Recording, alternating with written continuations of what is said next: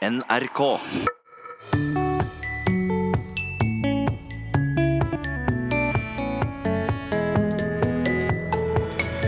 En lytter spør korp eller ravn. Kjær fugl har mange navn. Ja, mange av dem har utrolig mange lokale dialektnavn. F.eks. selve nasjonalfuglen vår. Fosskall, vassokse, vasstrost, straumhest, straumstare, bekkjastare, elvakonge. Jeg har et otall med navn. Fra dialekt til latin. I dag i det krigerske hjørnet med kjent hærfører. Julius Cæsar. Han rakk veldig mye, og erobringen av Gallia skrev han kommentarer om. Og Cæsars krigsrapport da var Veni vidi viki. Jeg kom, jeg så, jeg vant. Vel møtt til Språkteigen.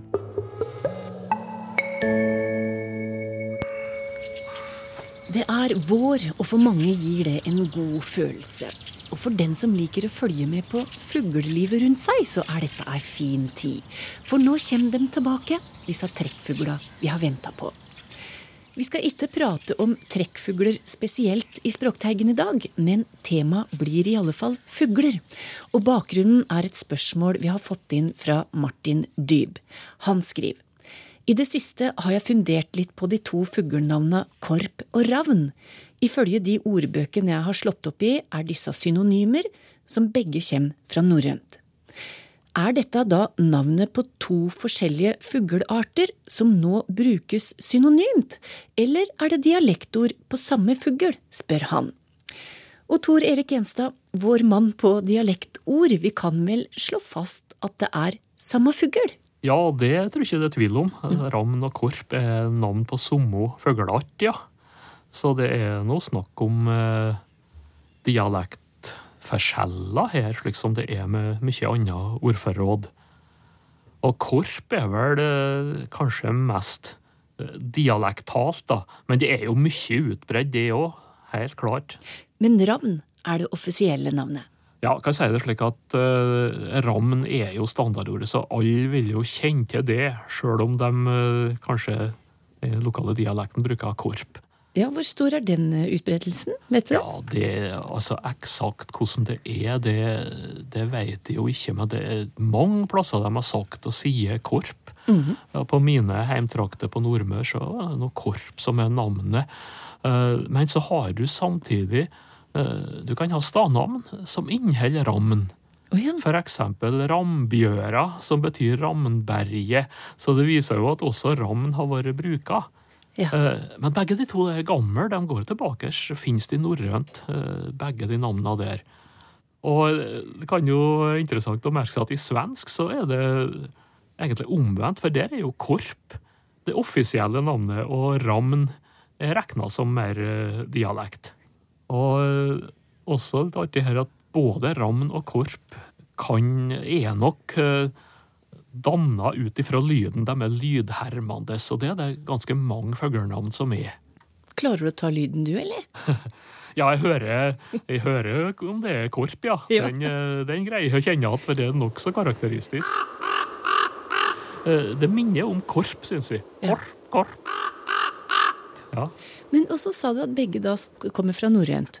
Ja, Så det er umulig å si om det ene er eldre enn det andre. Ja, eh, kanskje Hvis en skal dele ut noen poeng her, så kan det være ravn eller ravn som er eldst, kanskje. Du har det eh, også i engelsk raven, nederlandsk raf. Og så har du tysk rabe, som er i sideform her. Eh, mens korp ser kanskje ut for å høre til bare norsk og svensk, så det kan jo tyde på at rammen er, er enda eldre, da. Men begge er jo gamle for all del. Mm. Det er ett navn til. Eh, Ravn eller Korpen har ikke så mange dialektnavn. Eh, og det er egentlig bare ett til som vi har funnet, og det er som plasser på det sentrale Vestlandet. Der kan, he, kan en hete Kromp. Eller et eller annet slikt. Krompen? Og, ja, Krompen. Ja. ja. eh, Det har nok noe med lyden å gjøre. Og, og det kan ha vært et uh, tabunavn, eller et uh, Noah-navn, som vi kaller det. Altså et navn de har brukt for å unngå det, det rette navnet. For rammen ram den er jo en åtseleter, Mm. og du hører den, så kan det jo være tegn på at den har, at den er funnet et kadaver. Så den blir av og til forbundet med, med død og annet vondt. da. Ja. Så at du kunne hatt bruk for et sånn tabunavn på den. Men eh, ikke så mange dialektnavn på ravn eller korp, da, sier du. Men har fugler vanligvis det? Ja, mange av dem har utrolig mange lokale dialektnavn. Vi kan jo ta eksempel sjølve nasjonalfuglen vår, eh, fosskall. Jeg har et otall med navn, eh, men de knytter seg ofte til leveviset hans. da, At det har et eller annet med vann å gjøre, for han liker seg jo i vann. Ja. På mine heimtrakter på Nordmøre der heter den vassokse. Og ellers kan det være vasstrost og straumhest og straumstare, bekkjastare, elvakonge og mange slike, men det har et eller annet med elv og vann og straum å gjøre. Og kjøttmeisen er kanskje òg en ynda dialektfugl, holdt på å si? Ja da, den er nå kjent og kjær, vet du, og det er nå slik at eh, fugler som, som har vært tett innpå folk, og eh, som kjenner godt til og ser ofte, og dem får gjerne dialektnavn. Og den, eh, det er nå kosten, da. Jeg er glad i kjøtt og talg, og da må får du slike som kjøttmeis og talgokse og talgtitt og uh, spikkjetet og voldsomt mange navn også på den. Og som du sier, Tor Erik, det er en stor rikdom av dialektnavn på fugler. Men vi vet jo at dialekter er under press, så mange av disse navnene brukes kanskje ikke mer? Og det blir nok bruka, men eh, det er nok i mye mindre grad enn det var tidligere. For det er jo en utsatt kategori, da. Hvorfor det? Eh, Nei, eh, nå er det jo standardisering i ordførerråd i det hele tatt. Mm. Det er det, men akkurat her så tror jeg kanskje den prosessen begynte eh, enda tidligere. Eh, Og det har å gjøre med at eh, folk har, har møtt standardnavna eh, i naturfagundervisninga. Eh, Og, og likeens i oppslagsverk, fuglebøker, leksika som folk har bruka. Så det, det presset der, den påvirkninga fra standardmål, den har nok satt inn ganske tidlig akkurat i slike kategorier som navn på dyr, fugl, fisk, planter. Ja. Det er Artsdatabanken som ved hjelp av en rekke eksperter, navnekomiteer, navneredaktører og med bistand fra Språkrådet som fastsetter standardnavn på f.eks. fugler. Og dem sier at i det navnearbeidet dem driver, så har de òg mulighet til å samle på trivialnavn og dialektnavn. Og det står jo òg oppført dialektvariasjoner i en del oppslagsverk, så den rike dialektvariasjonen tas jo vare på. Ja, det gjør det, altså. Slike klassikere som har gått i mange generasjoner og mange opplag. Slik som uh, mange har i bokhylla si. Uh, våre fugler, og ikke minst fuglene i farger. Der er det ført opp en god del dialektnavn. uh, men de er vel ikke registrert systematisk. Slik som Ove Arbo Høeg gjorde for plantenavn. Vi har vel ikke noe tilsvarende verk for fuglenavn i Norge. Nei, akkurat så et eget dialektoppslagsverk for fuglenavn finnes ikke. Nei, det gjør egentlig ikke det. Det, det finnes et par hovedfagsoppgaver som begynner å bli litt gammel, men som, eh, som tilfører seg visse typer fuglenavn. Ja. Men det, det er vel ikke noe samla. Her er det et stort felt, for det er også mye tradisjoner eh, ikring fugler. Folketradisjon, folkeminne. Eh, det med varsel for eh, eh, ja, årsvekst og avling, men også for eh, hvordan han skulle få det personlig, og nær sagt ekteskap og samliv og kjærlighet og alt mulig, glede og sorg. Så hadde det vært knytta varsel til, til mange fugler. Ja, har du noen eksempler på det? Ja, eh, linella. Den er også en som har eh, en god del karakteristiske dialektnavn. Eh, det med linerle, akkurat det, det henger nok sammen med, det er nok sammenheng med lin. Med planta lin, men den er litt uklar. Men det var i hvert fall varsel på den. altså Når du observerte henne først gangen om våren, når, når hun kom, så skulle det ha betydning om hun satt, hvor høyt hun satt. Altså Om hun satt høyt oppå et tak, Ja. så skulle det bli langt gras og mye korn god avling. Satt hun nedpå ned på bakkene på marken, så var det ikke så bra. Og jeg har også hørt at hvis du satt på en eh, mokkjadunga, det gjør hun ofte, og da skulle gresset råtne, så jeg håper ikke det stemmer. Eh, Og det der med at hun ofte sitter der, det hadde gitt henne navn som møkkerdungsiri og skitæle. Og så er det også en ganske vidt utbredt type. Det er ringæle. eh, Rennel, rinnild, mange uttalevarianter. Og det går vel på eh, tegninga i fjærdrakten, antagelig. Akkurat det navnet. Ja. Har du hørt rinnisle? Ja, og det er nok eh, det, er nok det samme. Altså det er en variant på ringæle. Ja. Og, og så var det òg noe med når eh, Altså hva vinkel du så henne ifra. Jaha. Jeg tror, altså slik som eh, mor mi sa det, så var det at hvis du så henne inni bringa første gangen, så skulle du komme til å oppleve sorg det året. Uff. Så du henne derimot i stuen, i sterten, så skulle du oppleve glede. Så de tok varsel av alt mulig slikt. Det mangler en systematisk samling av dialektnavn på fugler, sier du. Men det er kanskje ikke noe du har tenkt å gripe fatt i? Eh, Jeg skal ikke love ut å sette i gang med noe prosjekt på det slik som det ser ut nå, i alle fall, men det, kanskje det, det burde vært gjort. Og, og det kunne jo være et interessant samarbeid mellom uh, zoologer, etnologer og, og språkfolk, kanskje. Vi kan jo gjøre en liten skjerv her i Språkteigen, for vi har mange engasjerte lyttere. Og jeg er helt sikker på at vi kunne få inn mange navn, og det er jo alltid artig. Er det ikke det? Tor Det er det. eh, Dialektord uansett. Og særlig dette her som er en litt utsatt eh, kategori. Og samtidig så er det jo interessant å, å få opplysninger om de fremdeles er i bruk, da. Ja.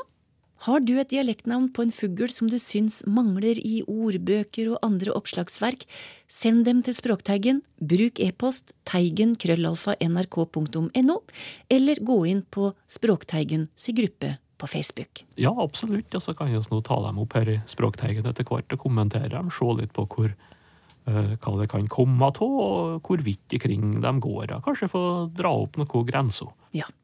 Takk til deg, Tor Erik Gjenstad, som jeg er sikker på kommer tilbake for å prate om dette her i Språkteigen.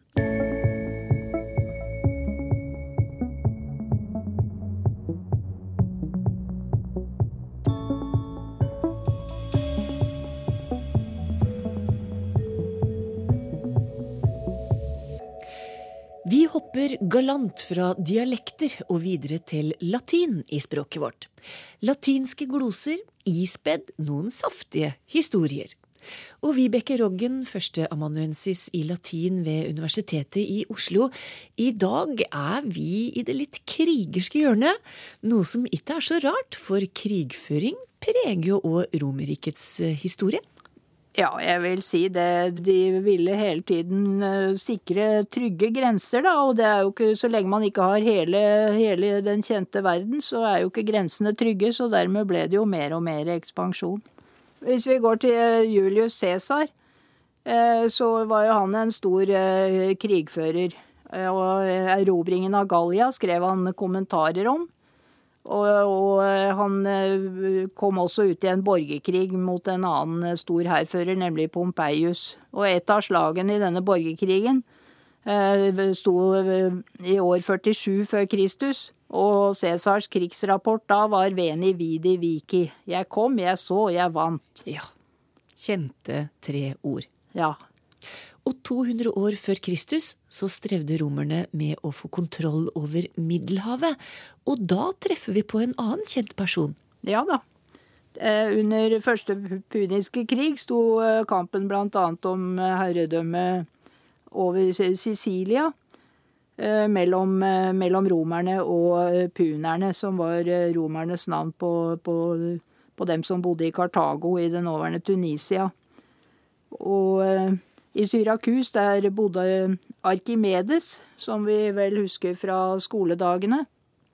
Fra Arkimedes lov. Mhm. Og han eh, var en dyktig mann til å, til å lage snedige krigsapparater da, til støtte for den sicilianske og puniske siden av, av krigføringen. Eh, men så gikk det jo så galt da, at byen ble okkupert av romerne. Og Arkimedes han holdt på med sine geometriske konstruksjoner og ville ikke flytte seg. Og da ble han rett og slett drept. Og hans siste ord etter sigende skal ha vært 'rør ikke mine sirkler'. Han snakket gresk da, men det er blitt kjent på latin nå litt tangere kirkolos med oss. Så at han ble drept, det var liksom en biting i forhold til eh, geometrien. Det var det viktigste. Ja. ja. Og da har vi havna midt i krigshandlingen, så vi kan jo ta ordet for krig. Ja. Krig på latin er bellum. Og, og, det har vi vel ikke lånt. Jeg kan ikke komme på at vi har lånt det i norsk. Men eh, krigsgudinnen eh, Bellona er jo i hvert fall eh, tatt i bruk som navnet på en organisasjon. Og du kan ikke krige uten en styrke, som en armé f.eks.? Nei, og det kommer av arma, som betyr våpen. Mens eh, ordet her eh, har vi fra norrønt. Da er vi inne i militæret, da? Ja. Det kommer av det latinske ordet miles, som betyr soldat. I flertall milites, der har vi t-en fra. Og så lagde latin et adjektiv, militaris. Det må ha vært militalis først, men så har det skjedd en dissimilasjon. Det ble litt for mange l-er der, så den siste l-en er blitt til en r. Og den æ-en i militær viser at vi har vårt ord gjennom fransk. Og soldat, da? Ja, det kommer fra latin også. Soldarius betyr soldat, og det er en som får lønn eller sold. Der har vi lånt et ord også, av solidos, en gullmynt hos romerne. Mm. Også adjektivet solid kommer av solidus. I det militære er det òg offiserer, og de skal vi òg ta for oss, men vi var inne på Julius Cæsar, og han var jo en sentral romersk militær. Ja, Cæsar var eh, Han rakk veldig mye, i, eh, og han ble noen og 50 år. Det fortelles om at da han var ung, så sukket han over at da Alexander den store var like gammel, så, så hadde han erobret store deler av verden. Men hva har egentlig jeg utrettet, sukket Cæsar da. Eh, etter hvert vant han det som var av kriger, da. Han erobret Gallia, som ikke bare nåværende Frankrike, men også tilliggende herligheter og han vant eh, borgerkrig. Så ble han eh, da eh, utropt til diktator, og deretter diktator på livstid. Men det likte ikke senatorene, så romerne hadde jo fra før et, et maktfordelingsprinsipp mellom årlig skiftende embetsmenn og en, et slags storting og folkeforsamlinger. Mm. Men når en mann skulle være diktator på livstid, så hadde jo de andre ikke noe de skulle ha sagt. Så de, en del senatorer sammensverget seg mot ham. Og 15. mars år 44 før Kristus, da gikk de til angrep på ham i senatet. Og, og myrdet han med til sammen 23 dolkestikk. Og der hadde jo også da Cæsar noen bevingede ord i dødsøyeblikket, ifølge biografen. Også du, min sønn, sa han til Brutus. Hmm. Ja. Da kan vi ta gradene. Skal vi starte med general? Ja, der har vi Eh, utgangspunktet i det latinske adjektivet generalis. Det har vi lånt i formen eh, både general og generell. Det er det siste via fransk igjen. Og eh, det betyr da at generalens maktkommando er generell og altomfattende. Vi kan jo også tenke på Spanias tidligere diktator Franco. Hans tittel Det var ikke nok for han å være general, han satte det i superlativ og var generalissimo oberst, da? Ja, det kommer fra tysk og betyr den øverste. Mens derimot offiser generelt har eh, bakgrunn i det latinske ordet for plikt eller tjeneste officium. Cicero skrev et verk eh, som heter De officiis om pliktene. Og major? Ja, det, er, det, har ikke forandret seg så mye. Major betyr større eller eldre, og som substantiv da en overordnet person. Kan jo se på løytnant også. Ja. Det er også lånt via fransk. Lieu tenant. Som det betyr stedfortreder, en som holder plassen. Og bak eh, fransken lurer det de, noen latinske ord, nemlig locos, sted, og tenere, holde. Og så er det kaptein. Ja. Der har vi ordet kapot, som betyr hode. Og kapitaneos, en sjef. Det, har, det er da en sjef, ja, med en hode, et hode for noe. Mm. Og så har vi sersjanten. Ja, det er beslektet med å servere på norsk. Begge ordene kommer av servire og tjene, og bak der ligger slaven servos. Sersjanten har opphav i presens partisipp serviens, tjenende, og har gått veien gjennom fransk, den også. Og eh, romerne hadde jo òg en egen krigsgud. Ja da. Eh, Han heter eh, Mars, og han eh, gjør vi jo stas på fortsatt. Vi har jo en måned oppkalt etter ham, og eh, en planet. Kampsporter heter martial arts på engelsk, så det er jo da kunstene som passer til Mars, eller som er, har sitt opphav i ham. Men det kunne jo være moro å snakke litt om eh, Mars' sønn også, da. Ja, Ja, for han, eh, han hadde da et langvarig forhold med en gift eh, gudinne, nemlig Venus, for hun var gift med smedguden Vulkanus. Hun og Mars sammen, de fikk da en sønn. Og kjærlighetsgudinnen og krigsguden fikk da den lille Amor med pil og bue. ja. Ja, og han brukte jo ikke da sin eh, pil og bue til å drepe folk eller skade dem, men til å få dem forelsket i hverandre. Ja, han kjenner vi jo til. Skal vi avslutte vårt eh, krigerske latinske hjørne med et eh, bevinget ord, kanskje, Vibeke? Ja, og da må vi jo ta inn noen gloser da også. Ja. Vi får vel ta ordet for eh, fred. Pax. eh, som man kjenner fra pax vobiscum i kirkelig sammenheng, fred være med dere. Og pasifist. Pacificare, lage fred. Men et bevinget ord da. Si vis pacem parabellum. Hvis du vil ha fred, så forbered krig. Og dette stammer fra et verk om krigskunst, skrevet av en som heter Vegetius, ca. 400 etter Kristus. Ja, et bevinget ord til slutt der. Takk til deg, Vibeke Roggen, som er førsteamanuensis i latin.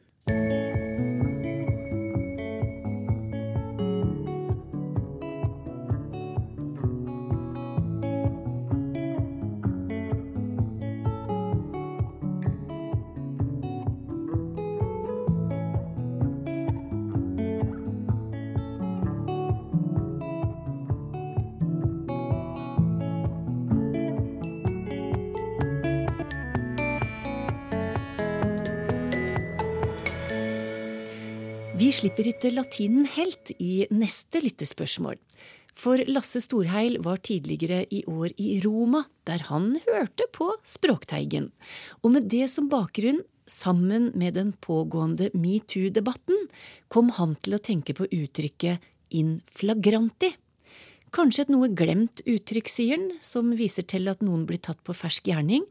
Men hva er opprinnelsen, og kan vi oversette in flagranti til med buksene nede, spør han. Hva sier du til det, Georg Kjøll? Ja, sånn det blir brukt på norsk eh, i de få tilfellene det blir brukt, for det er ikke et veldig vanlig uttrykk, så kan vi nok snakke om noen eh, blir, hvis noen blir tatt in flagranti, så blir de tatt med buksene nede. Eh, mer eh, eh, En sikrere oversettelse er kanskje på fersk gjerning, for å bruke et annet eh, fast uttrykk. Eh, og, det dukker gjerne opp eh, når man eh, snakker om forbrytelser som man nettopp blir fersket i, da. Mm. Eller når noen blir avslørt i en umoralsk handling. Så vi, kan, vi kan kjenne igjen deler av det. Det er, det, er, det er ikke så ofte at vi har sånne uttrykk som ikke, er, ikke har tilpasset seg noe særlig til norske, norske lydsystem og norsk stavemåte. Så dette her kjenner man igjen som et utenlandsk uttrykk. Men vi, eh, det er ikke helt fremmed, for vi har ordet flagrant på norsk. eh, Og det betyr synlig, eh, eller tydelig og iøynefallende. Og vi kan kjenne igjen fra engelsk også, så flagrant er et mer, mer vanlig brukt ord på, på engelsk. Det kommer fra fransk sist, men opprinnelig så er dette et latinsk uttrykk. Og av ordet flagrans, som betyr brennende eller lysende, presens, som er pressens partisipp av eh, eh, flagrare, som betyr stå i lys lue eller, eller brenne. Da. Eh, og selve uttrykket går tilbake til romersk lov fra, fra 1500-tallet. Og da er det snakk om inflagranti crimine, eller inflagranti delicto. Som gjerne oversettes i brennende forbrytelse, mens forbrytelsen fremdeles er varm. Ja. Så ja, så der, der har vi der har vi opphavet til også slik det, det brukes uh, i dag. Uh, krimene kjenner vi jo igjen som, som kriminalitet. Mm. delicto kan vi kjenne igjen fra ordet delinkvent, som er ganske sjelden på norsk, men det har blitt brukt om en arrestert person som venter på dom eller avstraffelse. Eh, vi finner også igjen på engelsk sånn delinquent, som er mer generelt en eh, forbryter.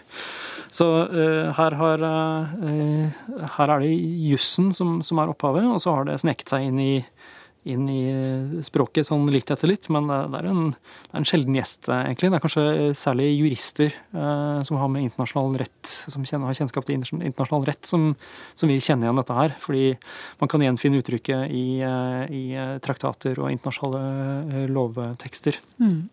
Og det, det, skjønner vi også når vi ser, når vi gjør søk på ordet flagrant på, på norsk, så ser vi at det ofte brukes om nettopp slike sammenhenger. Da. Vi snakker om internasjonale forhold eller eh, lovtekster. Så et eksempel jeg fant, var at uh, man snakker om at Kina flagrant bryter FNs menneskerettighetserklæring. Eller at uh, amerikanske, amerikanske militære driver flagrant krenking av andre lands suverenitet. Så det er der det har festet seg Eh, best. Og så har vi en assosiasjon også da, til, eh, til uh, seksuell aktivitet. Så da er vi tilbake i metoo igjen. Mm. Uh, og hvis man ser i Merriam Webster-ordboken uh, for engelsk, så har de satt opp dette som en egen betydning av inflagranti. Da, og snakker om at det betegner noe som, er, noe som skjer underveis i seksualakten. Og Sånn sett er det kanskje relevant for, for, for metoo og, og, våre forhold, men det er ikke, heller, det er ikke helt presist heller, siden veldig mange av disse metoo-sakene dreier seg om forhold fra veldig mange år tilbake. Mm. Uh, ting som ble meldt inn, men som politikere uh, klarte å glemme. Eller de tok på kammerset, eller de håpet at det bare skulle gå over. Så sånn sett er det jo ikke akkurat på fersk gjerning eller en brennende forbrytelse. Det er en uh, aktuell forbrytelse, og ja, veldig veldig mye omtalt og eh, brennende sånn sett, men eh, denne betydningen med, med fersk gjerning er litt, eh, litt malplassert her. Så kanskje vi skal reservere in flagranti da, til, til tilfeller hvor folk nettopp blir tatt på fersk gjerning. og så får vi heller snakke om, snakke om metoo på en annen måte. Og de, de gamle hendelsene som, som, blir trukket fram igjen av, av glemselsen til politikerne på, med litt andre ord og uttrykk. Ja. Det sa lingvist Georg Kjøll som svar på spørsmålet om hva uttrykket in flagranti kommer fra. Og dette med hvor ord kommer fra, det interesserer mange av våre lyttere. Hør bare her. Ja da, liker det. Ja. Mange etymologiske ordbøker hjemme. Ja, du har det? Ja. ja. Mm. Jeg liker, liker språkteigen. Ja, det gjør det. Ja. Ja, for der går ting opp. Ja, ja, ja, ja Ordet veps henger sammen faktisk. Det var Solveig Kloppen som var gjest i Sånn er du for noen uker siden. Og da kan jeg jo minne om adressa vår, teigen, krøllalfa, nrk.no. Du kan òg bruke Facebook eller Twitter. Med det sier jeg takk for i dag, og så kommer dagens utgave av Sånn er du etter oss. Ha det bra.